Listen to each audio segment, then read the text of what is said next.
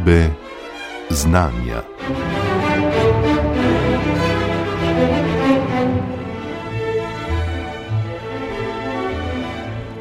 Prehod k trajnostnemu načinu bivanja in opuščanje fosilnih virov, ki sta nedvomno ključni prioriteti današnjega časa, zahtevata številne in globoke spremembe. Naša odvisnost od fosilnih virov se namreč zdaleč ne konča pri vsebini rezervoarja našega avtomobila ali pri elektriki iz premoga, pa čeprav so ti vidiki zaradi svojega visokega podnebnega davka upravičeno v spredju a prehod na obnovljive vire nas v praksi postavlja pred vrsto vprašanj, ki jih je potrebno razrešiti, če naj fosilne vire v kar največji meri odstranimo iz uporabe.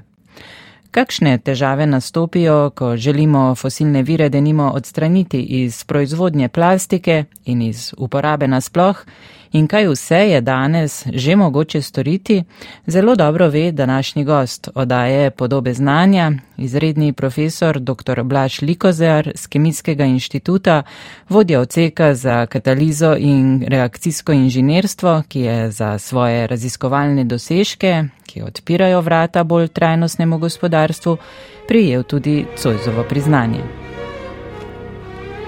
Blaž Likozer, čestitke in lep pozdrav. Najlepša hvala, lep pozdrav tudi vam. V iskanje okoljsko in eh, podnebno bolj sprejemljivih rešitev je danes upetih res ogromno znanstvenikov in znanstvenic po vsem svetu. Kje, na kakšen način ste pravzaprav sami vstopili na to področje iskanja trajnostnih rešitev? Ja, hvala za vprašanje. V bistvu s temi stvarmi smo se začeli ukvarjati, zdaj pa v bistvu že slabih deset let nazaj. Um, po izobrazbi sem sam, tako kot tudi večina mojih kolegov, uh, kemijski inženir. Kemijsko inženirstvo je bilo že skozi, v bistvu, recimo temu tudi dobro stoletje od uh, svoje zasnove, vedno v službi neke vrste industrializacije kemije, uh, v službi človeka. Kar pomeni, da je vedno iskalo oziroma se soočalo z razno raznimi izzivi, s katerimi se je soočalo človeštvo. Ne? Tudi samo kemijsko inženirstvo recimo, se je predvsem porodilo z odkritjem in večjim razmahom nafte v Združenih državah Amerike.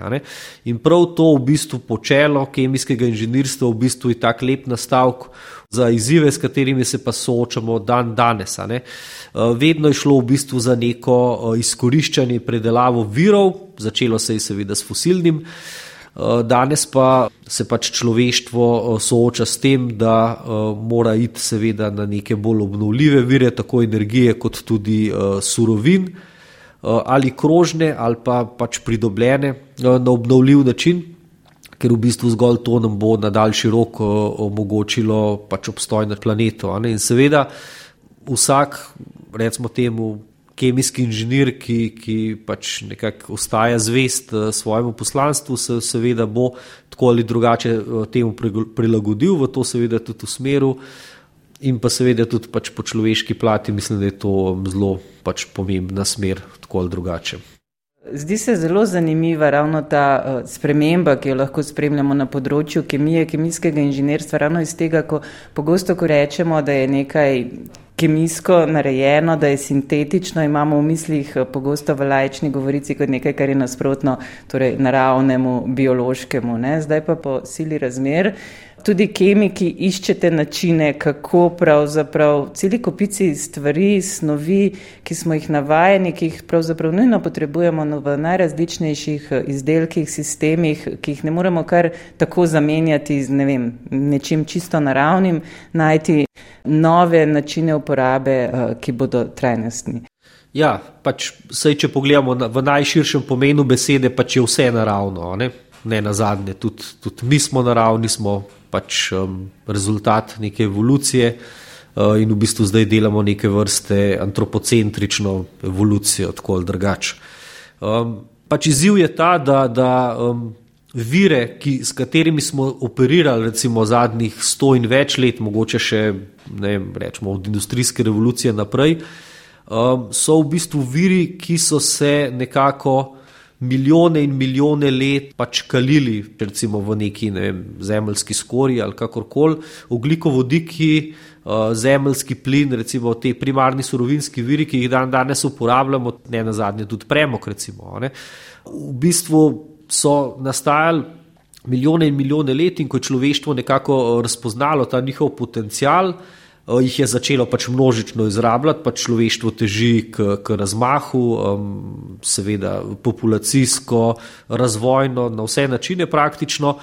In ne, gledano striktno termodinamsko, v bistvu so to neki surovinski ali pa energijski viri, ki imajo veliko energijsko ali pa surovinsko vrednost in so sorazmerno lahki za predelavo.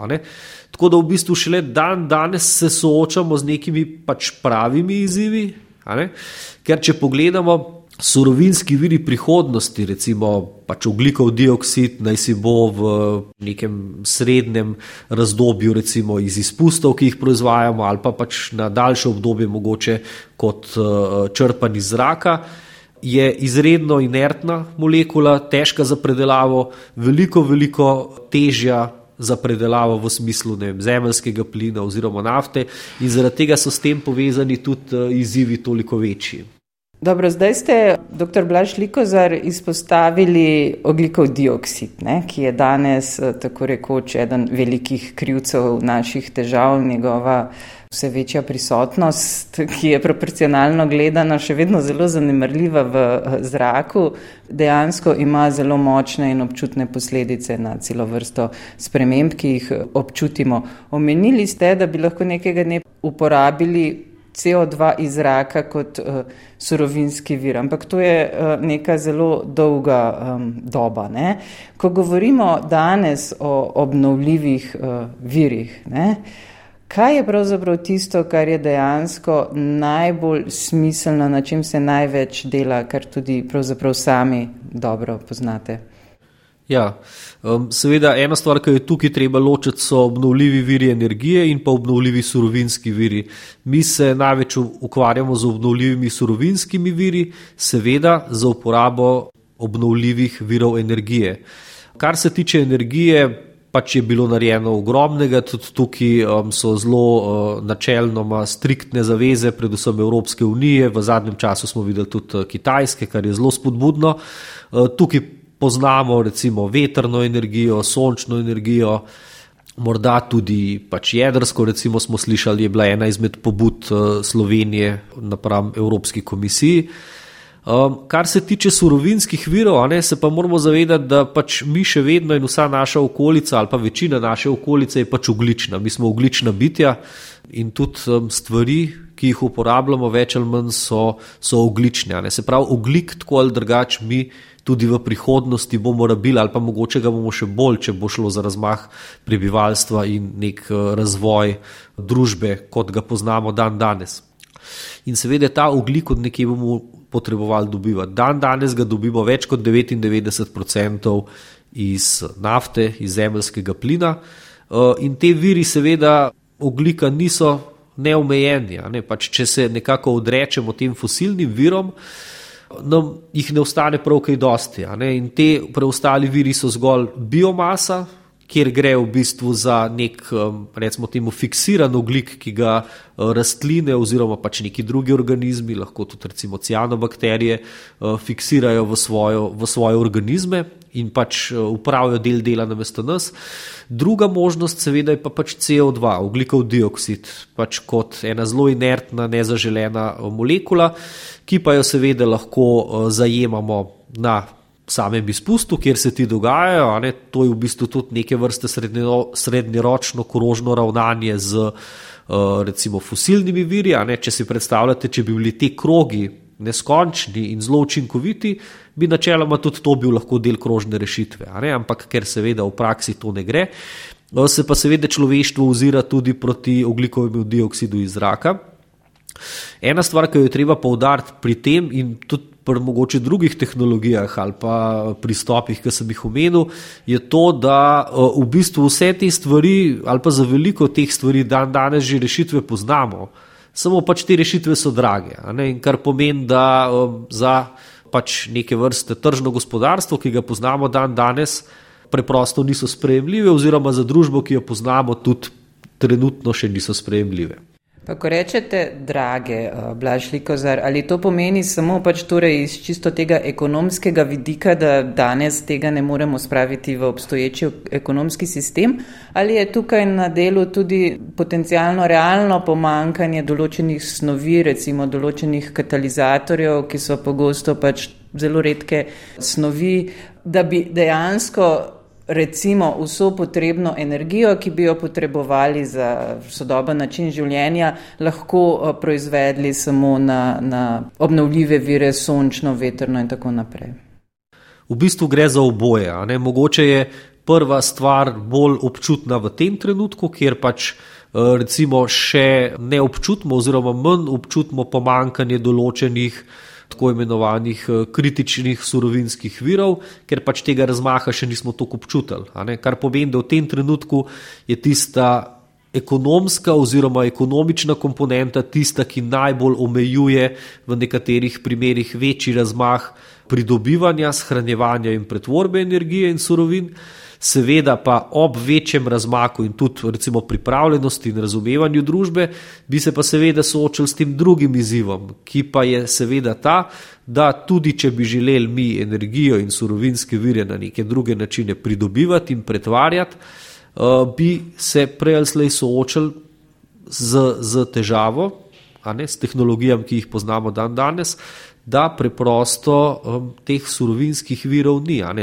Recimo, uh, že, že za že pri fotovoltaiki, ne pri pridobivanju električne energije iz, iz sonca, eh, so v bistvu zelo znano, koliko odpadkov nastane, kako v nekaterih primerjih so ti odpadki težko ločljivi in v bistvu tudi jih težko povračamo nazaj v neke surovinske tokove. V, tem, v, teh, v vseh teh primerjih je v bistvu neka zelo natančna analiza življenjskega cikla izrazito pomembna, preden se v neke eh, stvari preveč zaletimo.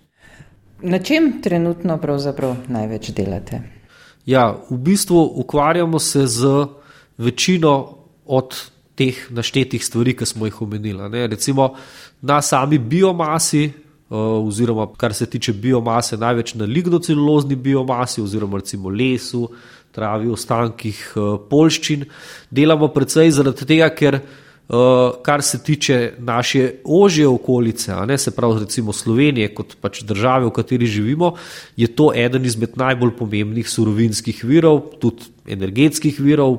Želimo si, da čim bolj postane tudi surovinskih vir, ne, ker še, en, en, še neke smernice, ki jih vidimo za prihodnost, so tudi te, da v bistvu bo veliko prišlo spet do nekega obrata od globalizacije k, ne, k nekim kratkim preskrbovalnim verigam, kar pomeni, da uh, veliko več bo tako imenovanih nekih lokalnih zgodb uh, v, v vseh pomenih besede. Kar pomeni, če pogledamo pač praktično surovinsko, ne, naša največja danost, ki jo imamo, recimo, je pač les in biomasa, in pač seveda s tem je treba pametno ravnati, mogoče kaj več uh, kot zgolj uh, pač kurjenje. Se pravi, to je prva izmed zgodb. Uh, V nekem bolj uh, mednarodno umpetem okolju se predvsej ukvarjamo še z zajemom in pretvorbo ugljikovega dioksida, med drugim tudi uh, iz zraka, kot je bilo omenjeno, in pa seveda z uh, vodikom kot nekim, recimo, temu energetskim nosilcem, ki v bistvu je zelo zanimiv za nek tak prehod v bolj nizkooglično gospodarstvo, predvsem tisto, ki je energijsko intenzivno, se pravi uh, energetika, proizvodna cementa, jeklarstvo in tako naprej.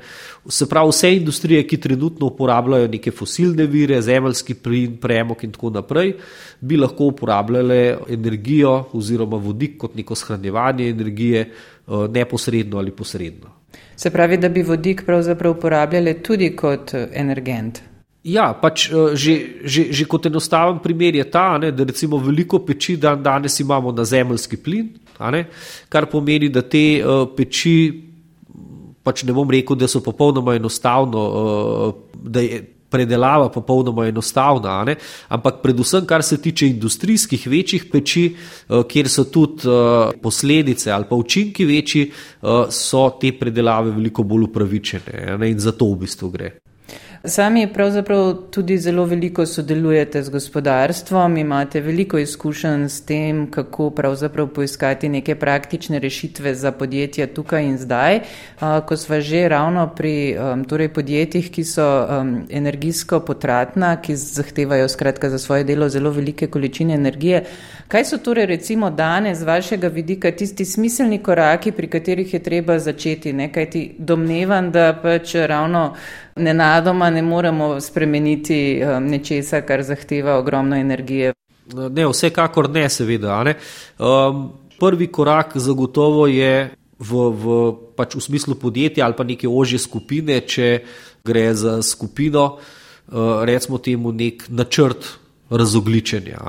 In tega veliko podjetij v bistvu že to tako ali drugače ima implementirano, če ne pa pač eh, na tem upam, da saj večina intenzivno delajo. Eh, in sicer k temu jih je eh, pospešilo oziroma pripravilo predvsem to, da se cene teh emisijskih kuponov tudi izjemno povečujejo, poleg seveda samih energentov.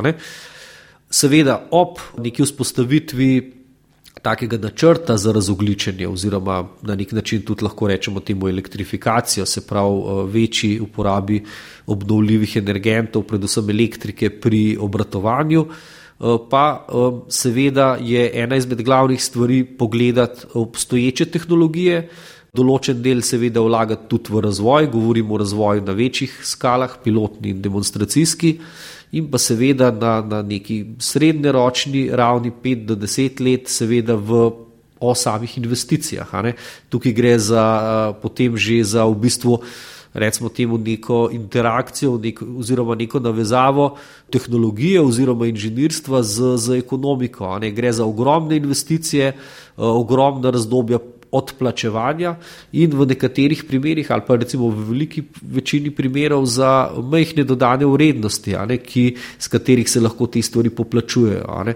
Tako da, um, kot trenutno stvari delujejo, bo v bistvu to, se pravi, to neko razogličenje, v bistvu nek velik, recimo temu. Um, Diferencijator med tem, katera podjetja v bistvu bodo pripravljena in bodo preživela, in katera pač preprosto ne bodo, zaradi tega, ker bo to postal prevelik finančni zalogaj.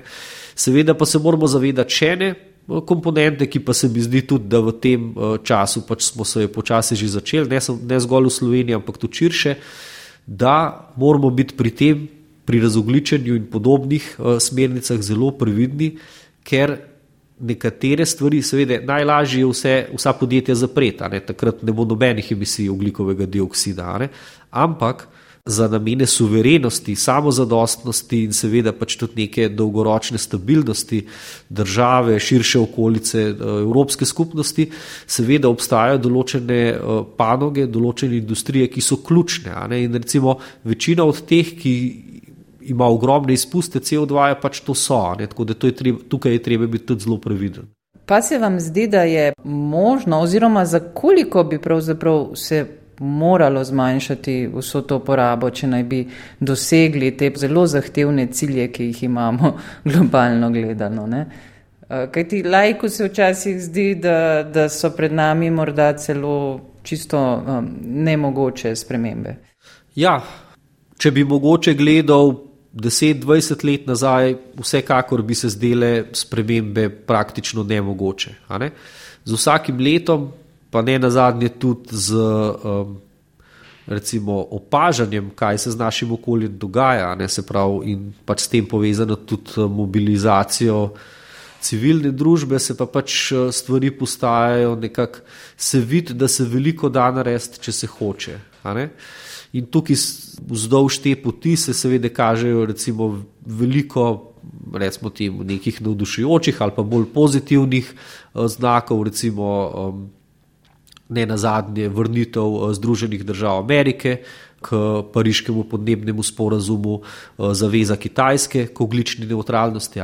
Se pravi, vprašali ste, koliko potrebujemo zmanjšati. Je ja, popolnoma na dolgi rok. Se pravi, temu se reče tako imenovana oglična neutralnost.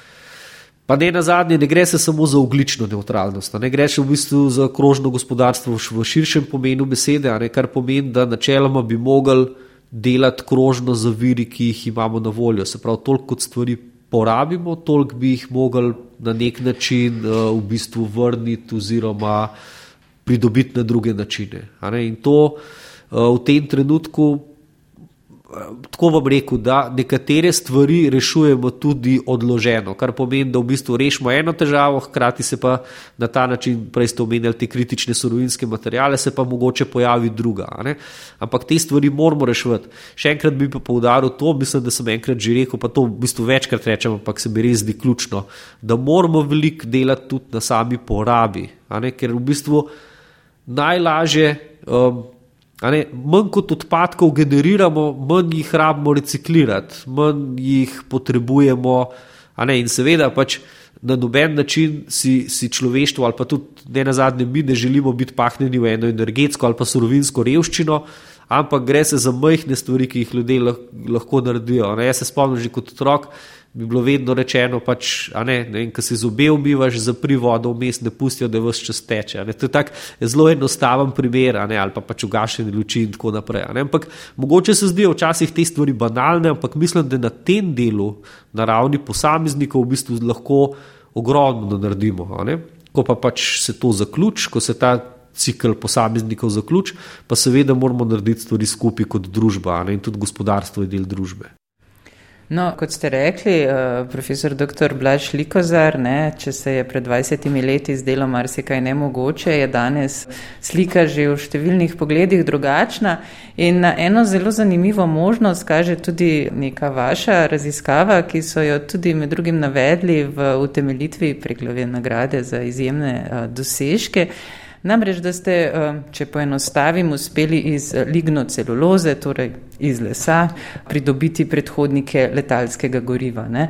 Glede na to, da vemo, kako energijsko bogato pač mora biti gorivo za letala, si človek težko predstavlja, da bi lahko nekega dne dejansko leteli na nekaj, kar izvira iz lesa. Kaj vse je tu potrebno, kaj ste uspeli narediti? Se vam zdi, da je to neka prihodnost, ki je možna v neki perspektivi. Ja, um, zdaj tako je. Recimo temu biogoriva, ali pa pač v zadnjem času se pojavlja izraz tudi e-goriva, spravo elektronska goriva. Um, predvsem so zanimiva, ker imajo veliko energijsko gostoto. In nekako tiste, ki so v tem trenutku najbolj uporabna, so na osnovi maščob oziroma lipidov. Te so najbolj skalirana, se, pove, se pravi, da so stvari blizu nekih, um, recimo, temu industrijskih obratov, ne industrijskih velikosti. Ne. Govorimo o podjetjih kot so vem, Exxon recimo, ali pa British Petroleum in tako naprej. Čar tega pa je, da v bistvu maščobe oziroma lipidi imajo zelo malo kisika. Nekako najbolj so podobni recimo nafti ali pa kerozinu kot gorivo. Mi smo precej delali na lignocelulozni biomasi, ki je bolj zahtevna, ker ima več kisika, se pravi ta kisik je tako ali drugače treba tudi odstraniti.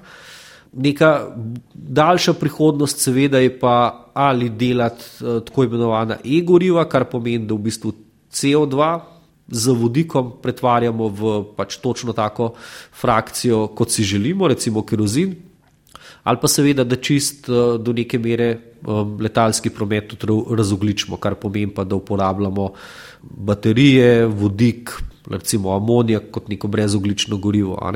Sprav mi ponovno z biomaso smo se največ, z lignocelozno biomaso se, smo se ukvarjali, ker ne bi bila zanimiva v, v nekem slovenskem kontekstu, ampak eh, sicer načeloma sem velik zagovornik tega, da je biomaso načeloma bolj uporabljati za materijale, in za, za rečemo, temu spojine oziroma posamezne kemikalije, predvsem z višjo dodano vrednostjo, seveda pa vedno obstajajo do, določeni ostanki, ki jih ne moremo zaradi nečistoče, morfologije, zgradbe predelati v kaj drugega in v tem primeru pa po neki, temu se reče, kaskadi, kaskadi vrednosti oziroma izrabe, pridemo najprej do biogoriv in da to pridemo do neposrednega zgorevanja, ne, kar je v bistvu najmanj zaželeno. Ne.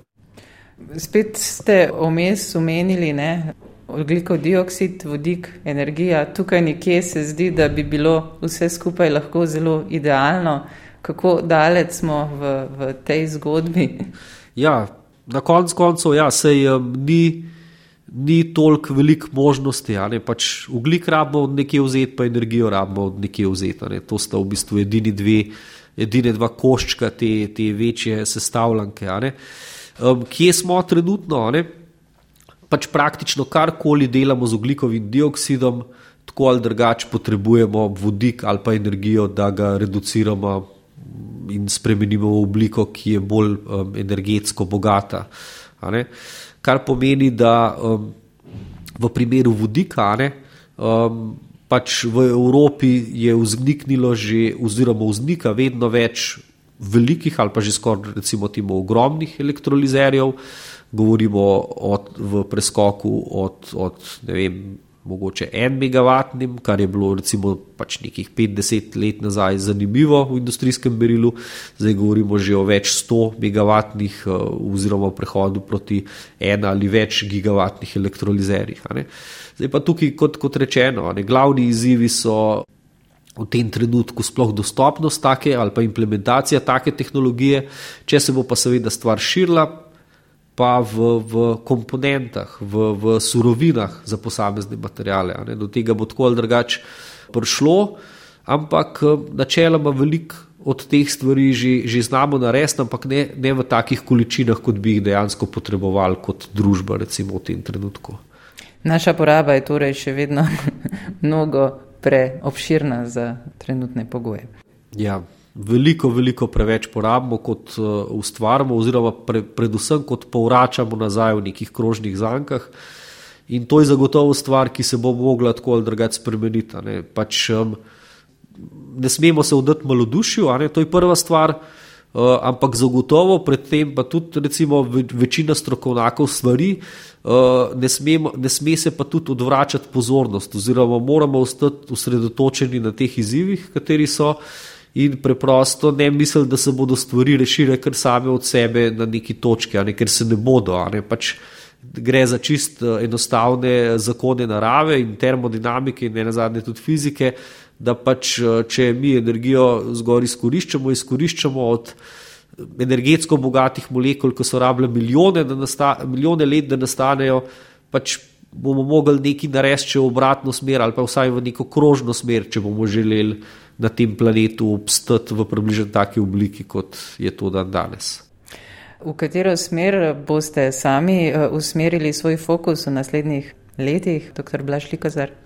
Ja, zagotovo še naprej v, v to smer, se pravi na neko stičišče kroženja ali pa pretvorbe oglika v povezavi seveda z uporabo obnovljive energije. Se pravi, eh, vse, kar je povezano s tem, se pravi recimo temu elektrifikacije industrije, ki predstavlja nek um, recimo temu prehod industrije oziroma obrat industrije k bolj obnovljivim virom energije ali neposredne elektrifikacije, kjer pač recimo gre lahko za električno gretje ali kaj podobnega, ali pa za pač uporabe energije za proizvodno vodika in pač uporabo vodika kot nosilca.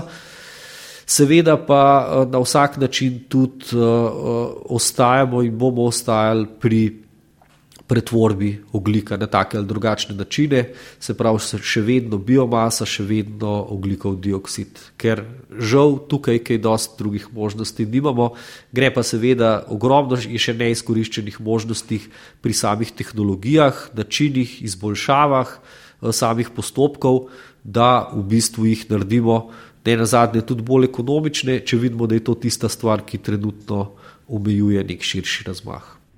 Vsekakor vam želim veliko uspeha. Hvala. Pa najlepša hvala za tale pogovor. Tudi vam za vabilo.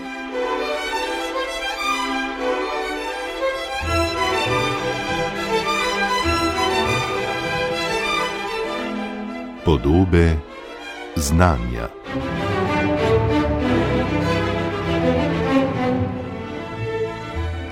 Z izrednim profesorjem, dr. Blažem Likozarjem, sem se pogovarjala Nina Slaček. Vabljeni, da oddaji podobe znanja prisluhnete tudi na spletni strani programa Ars ali jo poiščete med podcasti.